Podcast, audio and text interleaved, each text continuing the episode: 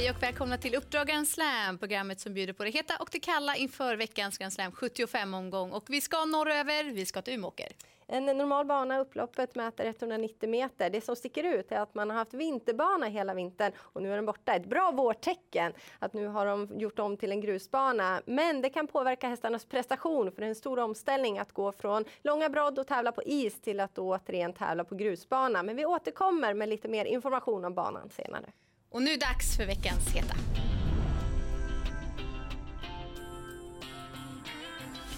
Jag tror att det kan bli en överraskning redan i den första avdelningen i form av nummer tre, Knights Victory, som enbart har vunnit två lopp hittills i karriären och har ingen imponerande programrad. Men det har strulat för hennes del i loppen. Toppformen sitter där och hon har avslutat sylvast i flera lopp på rad. Blir det bara tempo på det här loppet så blir jag inte förvånad om hon blåser förbi dem till slut. Jag hoppas på tempo i den tredje avdelningen för jag är ju fastnat för den finska gästen nummer 9 Among Stars som är segervan och har tidigare vunnit med just Hannu Torvenen i sulken. Han är oen för positioner och kan vinna med flera olika upplägg av loppet. Men höjdpunkten hittar vi definitivt i den fjärde avdelningen då vi får se nummer fem Spickleback Face och här kan man ju verkligen prata om att gå ner i klass. Och Daniel Wäjersten som tränar, ja han har kommit igång bra det här året som tränare också. Han bibehåller fina 24 i segerprocent som han hade under fjolåret och just mars månad, ja det har börjat mycket starkt för stallet. Och så är det kallbloden som är uppe i den femte avdelningen. Och här har du hittat en häst som har hittat toppformen. Ja, men nummer 10, Backegubben. Han hade varit struken inför senast, men var ändå väldigt bra som tvåa den gången och säkerligen flyttat fram formen ytterligare. Och just som du nämnde så har han ju börjat hitta tillbaka till den här rätta formen och han är van att möta tufft motstånd. Så att han har hårdhet för att runda det här fältet från tillägg, det tror jag definitivt att han har. Och går vi till den sjätte avdelningen så har ju 14 Gasoline Meras verkligen imponerat i regi Sandra Eriksson. Det har blivit sex segrar på åtta försök. Har varit struken emellan för en sårskada men stod endast över ett jobb så den fina formen bör vara intakt. Tål ju att göra en hel del jobb på egen hand och han har bäst segervilja i loppet. Och Sandra själv fortsätter att vinna var tredje lopp med egentränade hästar. Nu går vi vidare till veckans profil som är en Skellefteå-tränare. Ja, Christian Månsson som har ett mindre stall med 19 hästar men han har grym form på stallet. Han har rivstartat 2022 med fyra segrar på 13 starter.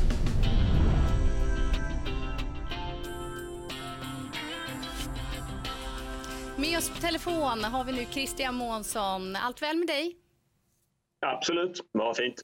Och fin form har du verkligen på stallet. Och fyra hästar ut på söndagen. Ska vi ta dem i tur och ordning? Och börjar i den första avdelningen med nummer, andra avdelningen ska sägas. Med nummer nio, Risovinni. Hur är formen där? Eh, hon är väl kanske den som kommer med mest, eh, vad ska man säga, mest osäker form i alla fall. Hon eh, var sjuk sist och eh, lär nog behöva ett lopp i kroppen jag. Hon har ju springspår på tillägg. Var tror du att du hamnar från start? Hon är inget spjut iväg så att, eh, det är väl inte så bra det heller men vi försöker göra det bästa av situationen. I den tredje avdelningen så har du ett bra spår, spår ett bakom bilen då med nummer ett Judge Peter. Han är ju startsnabb. Vad är tankarna inledningsvis?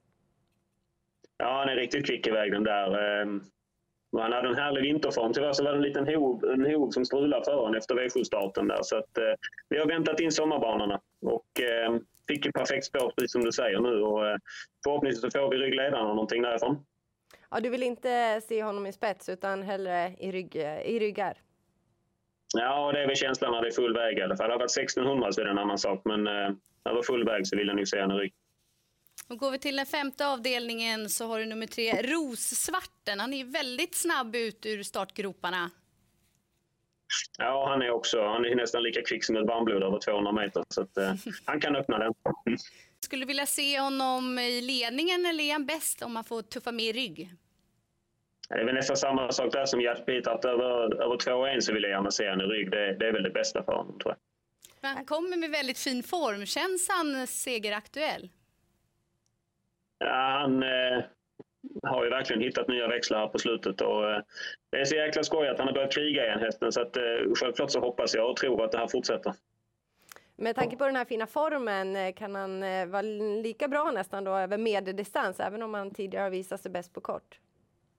Jag tror faktiskt det. Tidigare när han var som yngre spelade det faktiskt ingen roll om det var 1600 eller 2 Så att, jag hoppas att det är samma sak nu när han är 10 år gammal. Går vi till den sjätte avdelningen så har nummer fyra Avis Fastlight. Det är en häst som jag verkligen gillar. Men nu har han pausat. Var det en halsinfektion som eh, har stökat? Ja, precis. Han, eh, han var lite krasslig inför sista starten där. Men eh, jag tror han kommer i full form nu faktiskt. Så att, eh, det ska bli spännande. Du tror inte att, det, att han har stått över då, satt ner formen, utan att du hoppas att den är intakt? Jag tror att den är intakt, ja.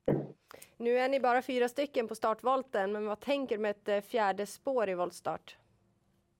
Ja, det blir bra med fjärde när det är bara fyra stycken i alla fall. Så han kan väl öppna hyggligt. Det är inget spjut, men, men jag tror inte att någon av de andra är några spjut heller. Så att, eh, men det är väl en öppen historia där var vi, var vi landar någonstans. För jag började kolla bakåt i historiken. Det är ett år sedan han var ute i voltstart och kollar man starterna där inne så är det galopp i tre av de senaste fyra voltloppen. Är det någonting man ska tänka på eller tror du att han har mognat och förbättrat tekniken från start? Han var egentligen lika osäker bak i bilen när han var yngre och har ju känns som att han har stabiliserats men, men det är som du säger, det är länge sedan han var ute i volt och det, det finns alltid en risk, så är det.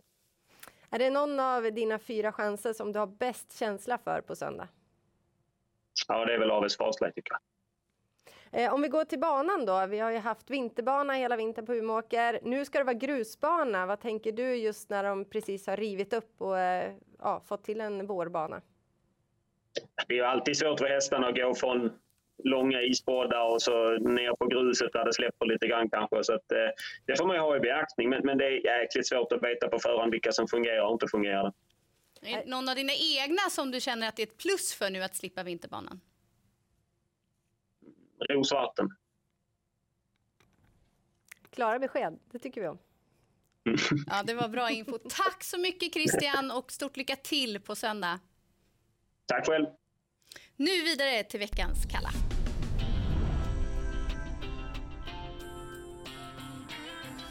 I den femte avdelningen så var nummer 5 Volt ut i årgångsloppen i fjol och är väldigt lovande. Det lät också väldigt bra inför årsdebuten, men då fungerade den inte alls utan det blev galopp. Nu låter det som att man ska ändra lite utrustningen inför den här starten, men han har faktiskt galopperat i fler än hälften av sina starter och jag vill se att han fungerar i lopp innan jag vågar gå på honom. Och går vi till den sjätte avdelningen så har nummer ett Gurra Palema visserligen två lopp i kroppen och slipper vinterbana denna gång. Men jag tycker inte han har visat att formen sitter där. Han sliter med aktionen och han galopperade senast. Han hade spår 1 i volten. Han måste visa mycket mer innan jag tycker att han är segeraktuell. Ja, I vanlig ordning så rundar vi av programmet genom att lyfta fram varsin måstehäst. Då väljer jag nummer 10 Backegubben i den femte avdelningen. Han börjar hitta den där riktiga toppformen. Och jag tycker att den roliga vinnaren är nummer 3 Knights Victory i den första avdelningen. Framförallt om det blir jobbiga förhållanden. Ja, vi får ju hålla utkik på söndag vad det är för förutsättningar med just banan och sen också om det går att köra barfota eller inte. Ja, precis. Så häng med på den senaste rykande informationen. Stort lycka till om ni tar chansen på Grand Slam 75.